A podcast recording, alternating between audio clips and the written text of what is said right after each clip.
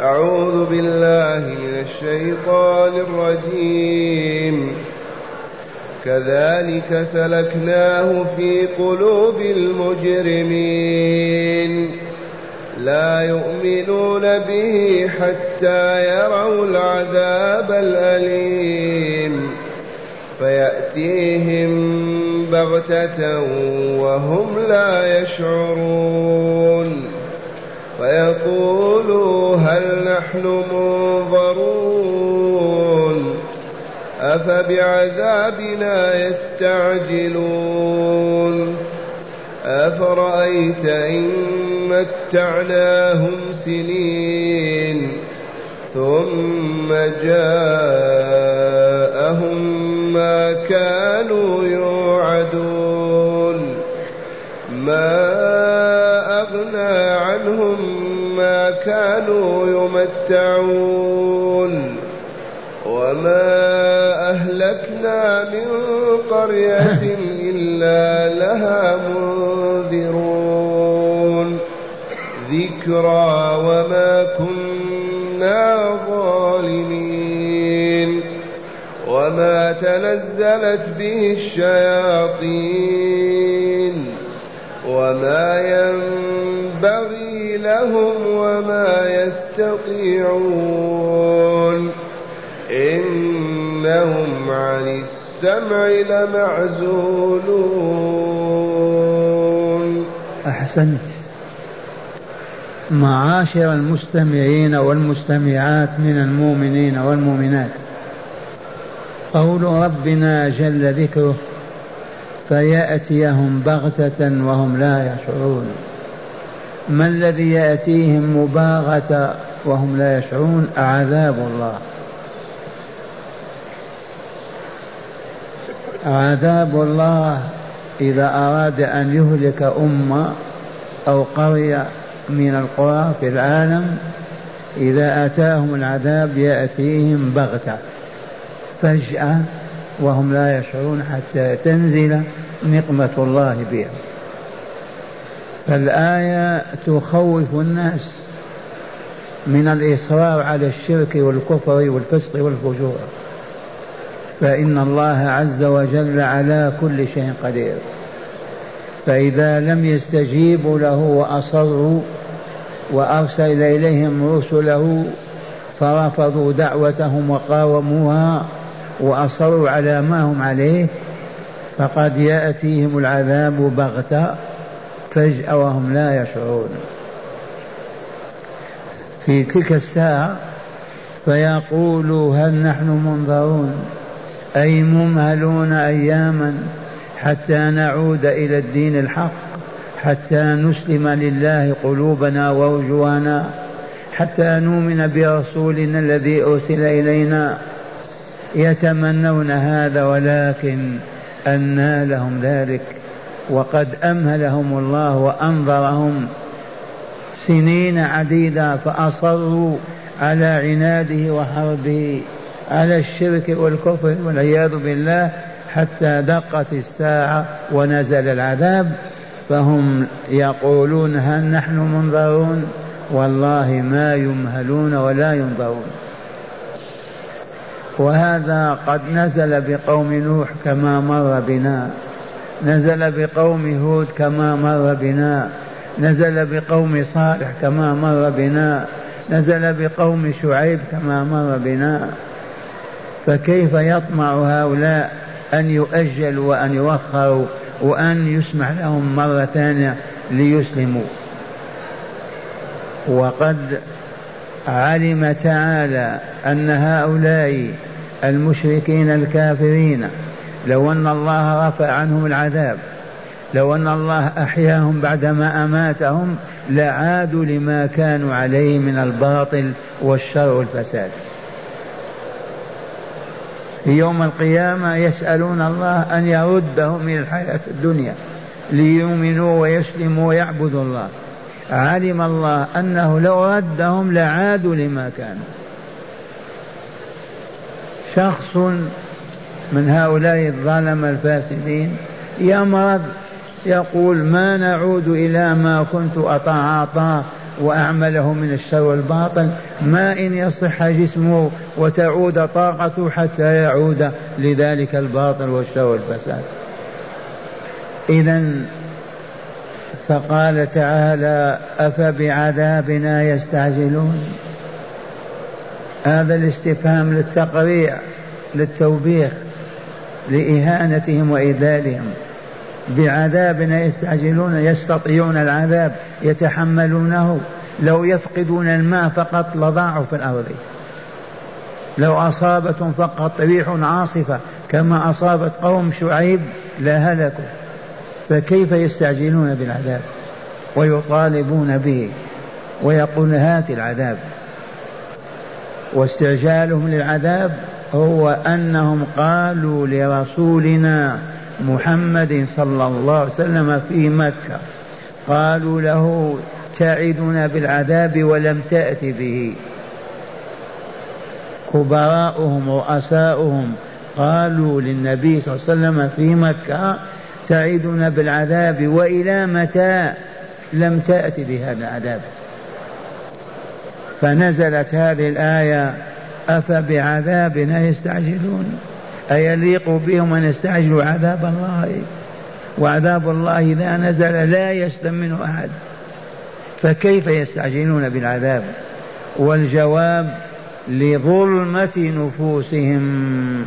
وفساد قلوبهم وعميان قلوبهم لأن ذلك الذنب العظيم وهو الكفر والشرك والاعتداء سلكه الله في قلوبهم فهم كالعميان يهرفون بما لا يعرفون يطالبون بما لا يستطيعون يقولون ما هم بشيء ما هم له بأهل. أفبعذابنا يستعجلون؟ كيف يصح هذا؟ عذاب الله يستعجل ويطلب وجوده بعجلة ثم تعالى يقول لرسوله لمصطفاه لنبينا محمد صلى الله عليه وسلم أفرأيت إن متعناهم سنين؟ أخبرني يا رسول الله إن متعنا هؤلاء المشركين سنين يأكلون ويشربون وينكحون ويعبثون ويظلمون ولا يفسدون ويفسدون. ثم جاءهم ما كانوا يوعدون. كيف تكون حالهم؟ هذه الآية الكريمة أفرأيت إن متعناهم سنين؟ كان عمر بن عبد العزيز الخليفة الراشد من أحفاد عمر بن الخطاب. كان على عهد الدولة الأموية. ما رأت الدنيا أعدل من عمر بن عبد العزيز إلا أصحاب رسول الله صلى الله عليه وسلم. إذا أصبح في الصباح أمسك بلحيته. ثم قال هذه الآية الكريمة أفرأيت إن متعناهم سنين ثم جاءهم ما كانوا يوعدون ما أغنى عنهم ما كانوا يمتعون ثم يبكي يبكي يبكي. عمر بن عبد العزيز أحد خلفاء المسلمين الراشدين إذا استيقظ في الصباح يمسك بلحيته ويبكي ويقرأ هذه الآية التي نتدارسها. أفرأيت إن متعناهم سنين ثم جاءهم ما كانوا يوعدون ما أغنى عنهم ما كانوا يمتعون. ثم ينشد الأبيات التالية. يقول نهارك يا مغرور سهو وغفلة. نهارك يا مغرور سهو وغفلة. وليلك نوم والردى لك لازم وليلك نوم والردى لك. والردى لك لازم. فلا أنت في الأيقاظ يقظان حازم. فلا أنت في, الأق... في الأيقاظ يقظان حازم. ولا, ولا أنت في, الم... في النوام بناج وسالم. تسر بما يفنى وتفرح بالمنى كما سر باللذات في النوم حالم. وتسعى إلى ما سوف تكره ضبه. كذلك في الدنيا تعيش تعيش البهائم. كذلك في الدنيا تعيش البهائم. هذا عمر بن عبد العزيز رضي الله عنه وأرضاه. يقرأ هذه الآية مع كل صباح ويبكي. ما هذه الآية؟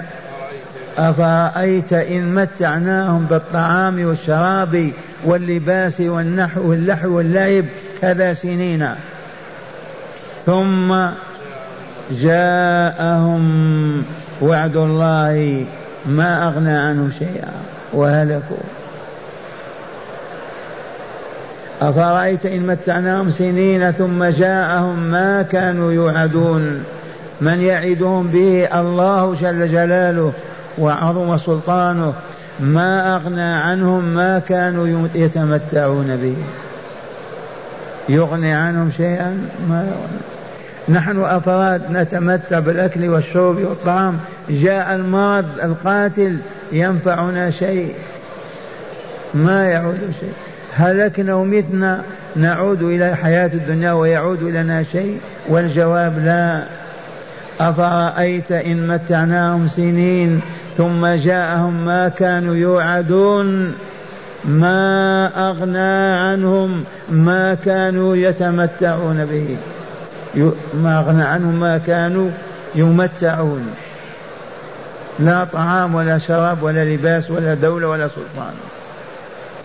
ثم قال تعالى وما أهلكنا من قرية إلا لها منذرون. ذي سنة من سنن الله. هذا هو العدل الإلهي. هذه الرحمة الربانية. ما أهلك أهل مدينة من المدن لأن لفظ القرية في الكتاب الكريم بمعنى المدينة. ما أهلكنا من قرية من القرى أي أهلك أهلها إلا لها منذرون. حاشا لله تعالى أن تكون الأمة جاهلة غافلة ما تعرف شيئا ثم يهلكها. ليس من سنته ولا من عدله. وإنما يرسل إليها من يرشدها من ينبهها من يعلمها من ينذرها عاقبة ما هي عليه من الشر والباطل والفساد. فإذا لم تستجب أهلكها. وما أهلكنا من قرية من القرى وما أكثر ما أهلك الله من المدن.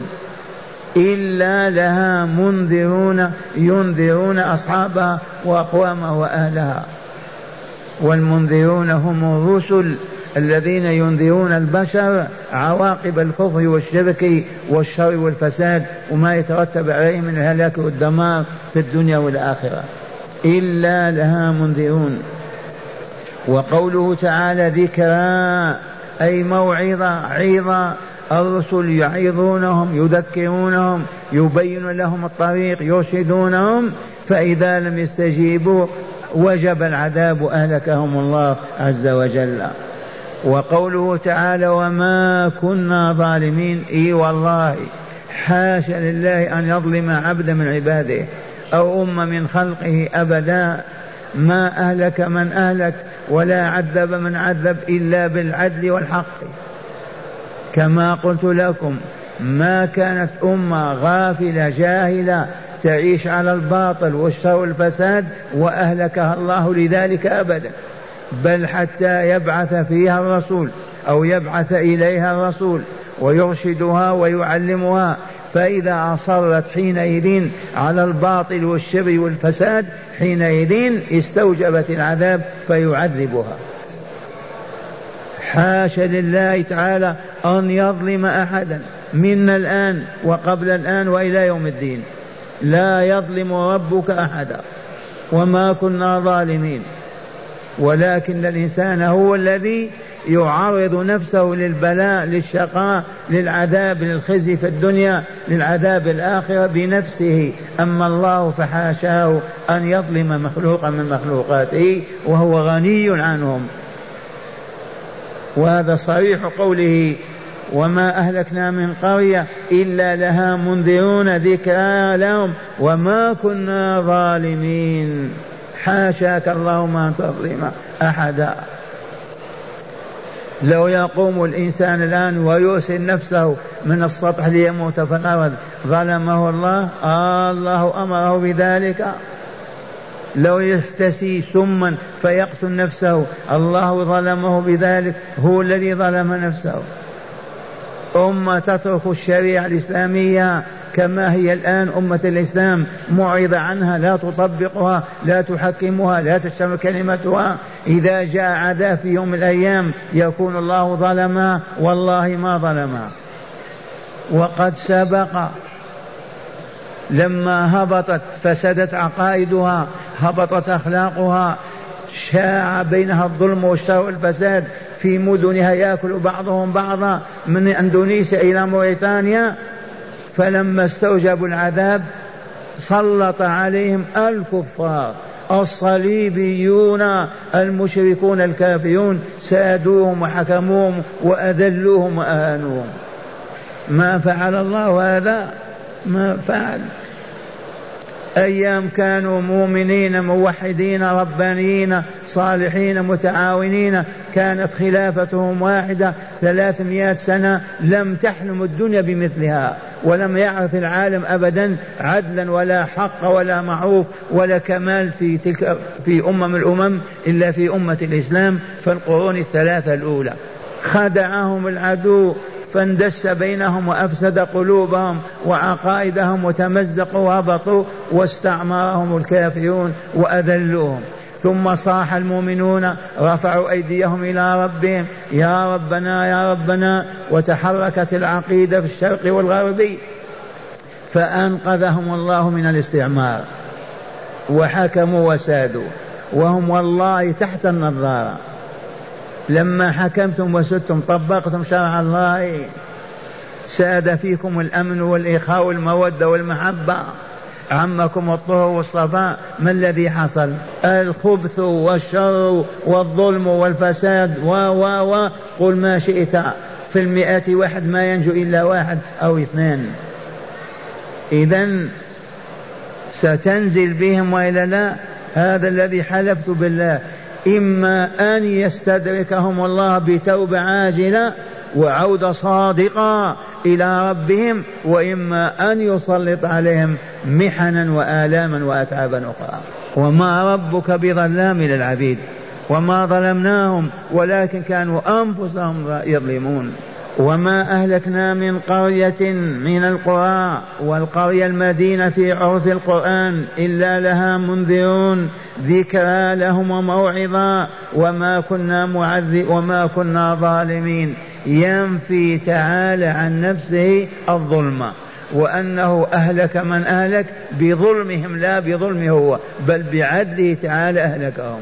ثم قال تعالى وما تنزلت به الشياطين.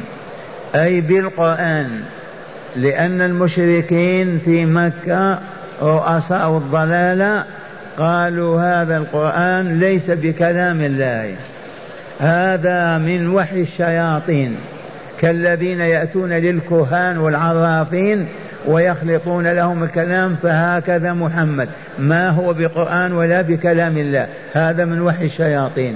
وأشاعوها في الناس ورددها الكبير والصغير فأبطلها الله وانتزع من ألسنتهم وقلوبهم. وما تنزلت أي بالقرآن الشياطين وأنها ذلك كيف يتم لها والشياطين ممنوعون من السماء والشهب تحرقهم. وقل من يسترق كلمة ويضيف إليها تسعة وتسعين كلمة. فهذه الفرية هذه الكذبة الباطلة أبطلها الله تعالى بقوله وما تنزلت به أي بالقرآن الشياطين بل نزل به جبريل الملك وسيد الملائكة أجمعين جبريل عليه السلام. وما ينبغي لهم ما يتأتى لهم والله ما يستطيعون. كيف الشياطين يدخلون السماء وهم محجوبون عنها؟ ولقد زينا السماء الدنيا بمصابيح وجعلناها رجوما للشياطين. تحاول الشياطين أن تسترق السمع من الملائكة فيرجمون بشهب نشاهدها بأعيننا. فكيف يكون القرآن من كلام الشياطين؟ هذه فقط فرية ليصرفوا الناس عن القرآن حتى لا يقول محمد رسول الله ولا يقول القرآن كلام الله. وسنين وهم يقولون وإلى الآن البشرية كلها نستثني المسلمين فقط والباقي كلهم لا يؤمنون بأن القرآن كلام الله ولا وحيه أوحاه إلى رسوله. لو آمنوا لعملوا بالقرآن وأسلموا ودخلوا في رحمة الله. لكنهم ما آمنوا وما تنزل به الشياطين وما ينبغي لهم وما يستطيعون. لو فعلوا لو حاولوا لو أرادوا والله ما يستطيعون. أبدا. في آخر سورة الجن ماذا قالت الجن؟ وإنا كنا نقعد منها مقاعد للسمع فمن يستمع الآن يجد له شهابا رصدا وإذا أراد الله أن يوحي يحمي ذاك الرسول حماية خاصة حتى ما تتصرف الشياطين لتأخذ ما يلقى إليه. من آخر سورة الجن أيضا. يا أهل القرآن اقرأوا علينا آخر سورة الجن. من بين يديه ومن خلفه رصدا الآية.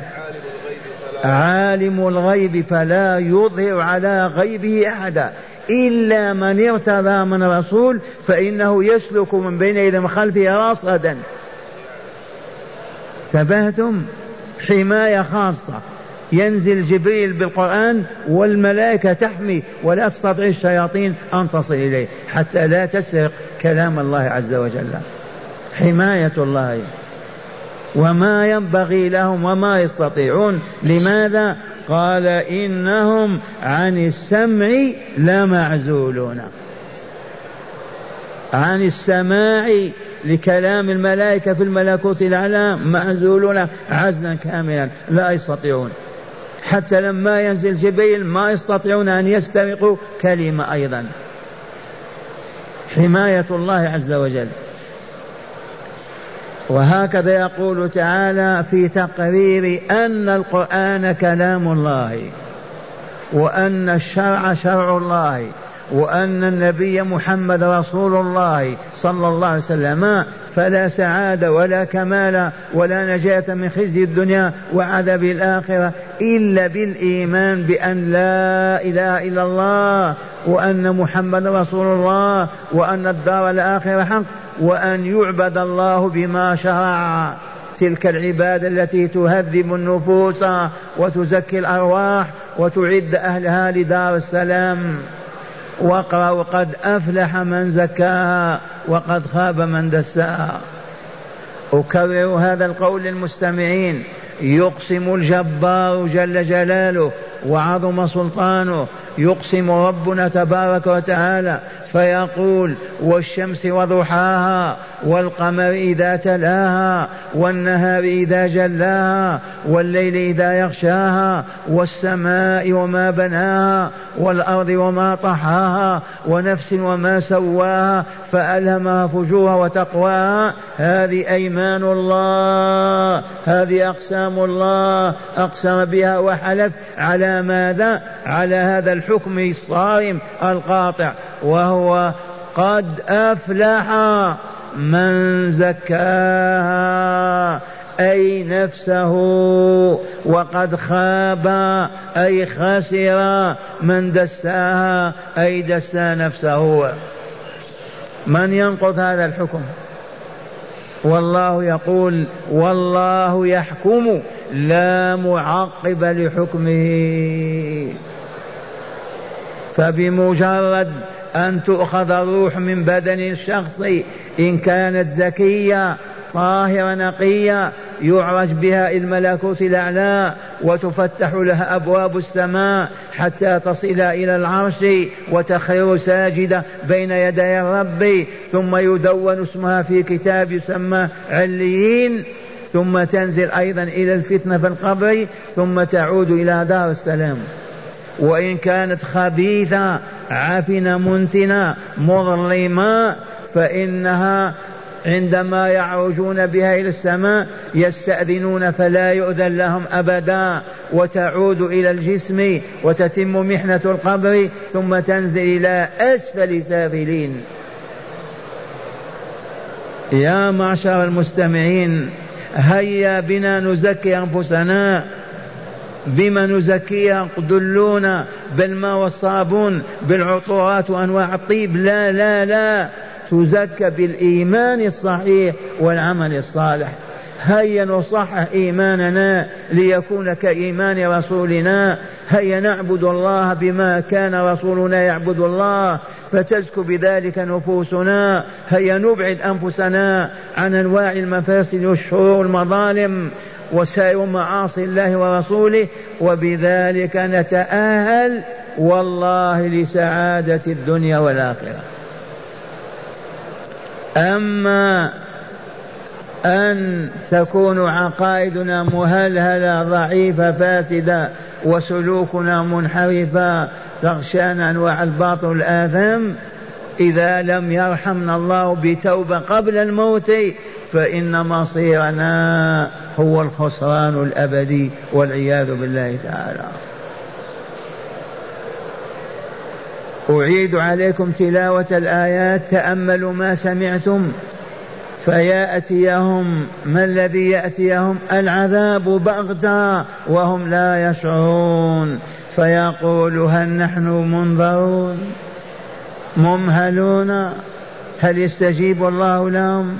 استجاب لقوم نوح أو هود أو صالح أو شعيب؟ الجواب لا. أفبعذابنا يستعجلون؟ من هم الذين استعجلوا عذاب الله رؤساء الظلم في مكة وقالوا لرسولنا تعيدنا بالعذاب ولم تأتين به إلى متى؟ استخفافا والعياذ بالله. أفبعذابنا يستعجلون؟ لو بعذاب إنسان لا بأس ضعيف لكن عذاب الله يستعجل به. من يقوى عليه من يقدر على تحمله من يطيقه. عجبا حالهم. أفرأيت إن متعناهم سنين؟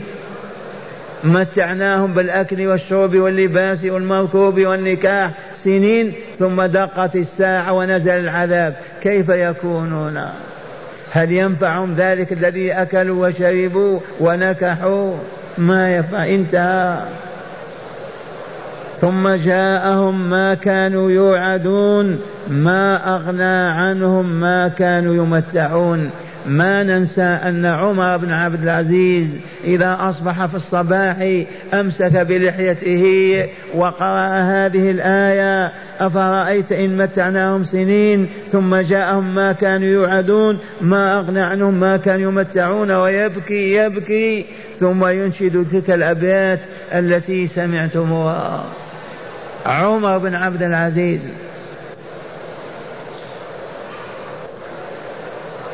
وما أهلكنا من قرية إلا لها منذرون. هذه عدالة الله هذه حكمة الله هذه رحمة الله. لا يهلك أمة ولا قرية ولا فرد أبدا إلا بعد أن يبلغه دين الله وينذر ويحق ويبين له الطريق الذي ينجو به والذي يهلك فيه. ذكر وما كنا ظالمين. نزه ربنا تعالى نفسه عن الظلم وما ربك بظلام العبيد وحاش لله أن يظلم وبيده كل شيء وهو على كل شيء قدير. لما يظلم؟ يظلم الإنسان الضعيف يأخذ مال أخيه للحاجة إليه. أما الله كيف يظلم؟ تعالى الله عن الظلم وما كنا ظالمين. وما تنزلت به الشياطين أي بالقرآن كما يدعي الدجالون والمفترون حاش لله أن تأخذ الشياطين من كلام الله وتنزل على أوليائها. وما ينبغي لهم أبدا بحال من الأحوال وما يستطيعون لو أرادوا ما استطاعوا أن يسترقوا كلمة واحدة من كلام الله الذي ينزل به جبريل على قلب سيد المرسلين. إنهم عن السمع لمعزولون. من عزلهم عن سماع الملائكة؟ الله جل جلاله وعظم سلطانه. فثبت بذلك أن القرآن كلام الله ليس كلام البشر ولا كلام الجن ولا الشياطين بل هو وحي الله يوحيه إلى رسوله بواسطة الملك جبريل عليه السلام. وبالأمس عرفنا أن الملك أحيانا يأتي في صورة ملك كصلصلة الجرس. ثم ينزع عنه وإذا به قد حفظ ووعي ما قال له. وأحيانا يأتي في صورة رجل من الناس أجمل الناس وأحسنهم ويلقي إليه بالكلمات فيحفظها صلى الله عليه وسلم. في خطأ في التفسير. والآن مع هداية الآيات والآن مع معاني الآيات في الكتاب. يقول المؤلف غفر الله له ولكم ورحمه وإياكم وسائر المؤمنين. يقول ما زال السياق الكريم في تقرير النبوة المحمدية وإثبات الوحي الإلهي. لقد جاء في السياق أن المجرمين لا يؤمنون بهذا القرآن حتى يروا العذاب الأليم. فأتاهم بغتة أي فجأة وهم لا يشعرون أي لا يعلمون به حتى يفاجئهم فيقولون حينئذ هل نحن هل نحن منظرون؟ هل نحن منظرون؟ أي يتمنون أن لو يمهلوا حتى يؤمنوا ويصلحوا ما أفسدوا؟ وقوله تعالى أفبعذابنا يستعجلون؟ عندما قالوا للرسول صلى الله عليه وسلم لن نؤمن لك حتى تسقط السماء علينا كسفا. وجاء هذا في سورة الإسراء وقالوا لن نؤمنك حتى حتى ترجع الأنام الأرض ينبوعا أو تكون لك جنة من نخيل وعنب. فتفجر الأنهار خلالها تفجيرا أو تسقط السماء كما زعمت علينا كسفا أو تأتي بالله والملائكة قبيلا أو يكون لك بيت من زخرف أو ترقى في السماء ولن نؤمن لرقيك حتى تنزل علينا كتابا نقرأه قل سبحان ربي هل كنت إلا بشرا رسولا. لو عرفتم ما عانى رسول الله صلى الله عليه وسلم من أولئك الطغاة. الجبابرة والمتكبرين من العناد سمعتم ماذا قالوا؟ لن نؤمن لك حتى تفجر الأرض أنهارا حتى يكون لك بيت مزخرف حتى تأتينا بالرب والملائكة نشاهده وإلا ما نؤمن. عشر سنوات وهو كذلك في مكة بل ثلاث عشر سنة. ولما هدى الله من هدى من المؤمنين ونزل بالمدينة انتصرت دعوة الله وأسلم المشركون ووحدوا ربهم. وقوله تعالى فبعذابنا يستعجلون عندما قالوا للرسول صلى الله عليه وسلم لن نؤمن لك حتى تسقط السماء كما زعمت علينا كسفا قطعا قطعا أي قطعا. أحمق هم أم مجانين؟ أحمق هم أم مجانين يستعجلون عذاب الله الذي إن جاءهم كان فيه حتفهم أجمعين. ثم قال لرسوله أفأرأيت يا رسولنا إن متعناهم سنين؟ أي معدودة بأن أضلنا بأن أطلنا أعمارهم ووسعنا في أرزاقهم. فعاشوا سنين عديدة ثم جاءهم عذابنا. أخبر ثم جاء أخبرني هل يعني ذلك هل هل يغني ذلك التمتع عنهم شيئا؟ والجواب لا والله ما أغنى عنهم ما كانوا يمتعون. أي لم يغني عنهم شيئا لاندفاع العذاب لا بدفع العذاب ولا بتأخيره ولا بتأجيله. وقوله تعالى وما أهلكنا من قرية كذلك كذلك القرى التي ذكرها في هذه الصورة المباركة. إلا لها منذرون أي كان لها رسل ينذرون أهلها عقاب الله إن أصروا على الشرك والكفر والشر والفساد. وقوله وذكرى أي عيظ لهم لعلهم يتعظون. وقوله وما كنا ظالمين أي بإهلاك من أهلكنا بعد أن أنذرنا وبينا. ونزل ردا على المشركين المجرمين الذين قالوا إن الشياطين يلقون القرآن على لسان محمد صلى الله عليه وسلم كما يأتون للكهان بأخبار السماء. وما تنزلت به الشياطين كما يزعم المكذبون وما ينبغي لهم للشيا أي للشياطين أي لا يصلح لهم ولا يتأتى منهم ذلك لأنهم معزولون عن السمع أي سماع كلام الملائكة. إذ أرصد الله تعالى شهوبا حالت بينهم وبين السماء من السماء. فلذا دعوى المشركين باطلة باطلة من أساسها القرآن كلام الله ليس كلام الشياطين. والآن مع هداية الآيات. بسم الله والحمد لله. من هداية هذه الآيات أولا بيان أن المجرمين إذا شاهدوا العذاب تمنوا التوبة ولا يمكنون منها. أعيد. بيان أن المجرمين إذا شاهدوا العذاب تمنوا التوبة ولا يمكنون نعم بيان أن المجرمين الظالمين إذا شاهدوا العذاب تمنوا أن لو يغفى عنهم العذاب ويستقيمون ويصلحون ولكن لا يستجاب لهم. نعم. ثانيا بيان أن استعجال عذاب الله حمق ونزغ في الرأي وفساد في العقل. نعم. بيان أن استعجال عذاب الله. بيان أن استعجال العذاب دال على حمق المستعجل وعلى غفلته وغلطه وجهله. كيف نستعجل العذاب؟ نستعجل الرحمة. ندعو الله أن يرحمنا. لا ندعو أن يعذبنا والعياذ بالله. فلا يستعجل العذاب ولا يطلب به إلا هالك والعياذ بالله. بيان أن طول العمر وسعة الرزق لا يغنيان عن صاحبها شيئا من عذاب الله إذا نزل به. نعم طول العمر وسعة الرزق ووجود القوة والسلطان و والدولة لم تغني شيئا إذا أراد الله أن يعذب تلك الأمة وينزل نقمته بها. والله ما يغني ذلك شيئا. هل أغنى عن عاد وثمود؟ الجواب لا.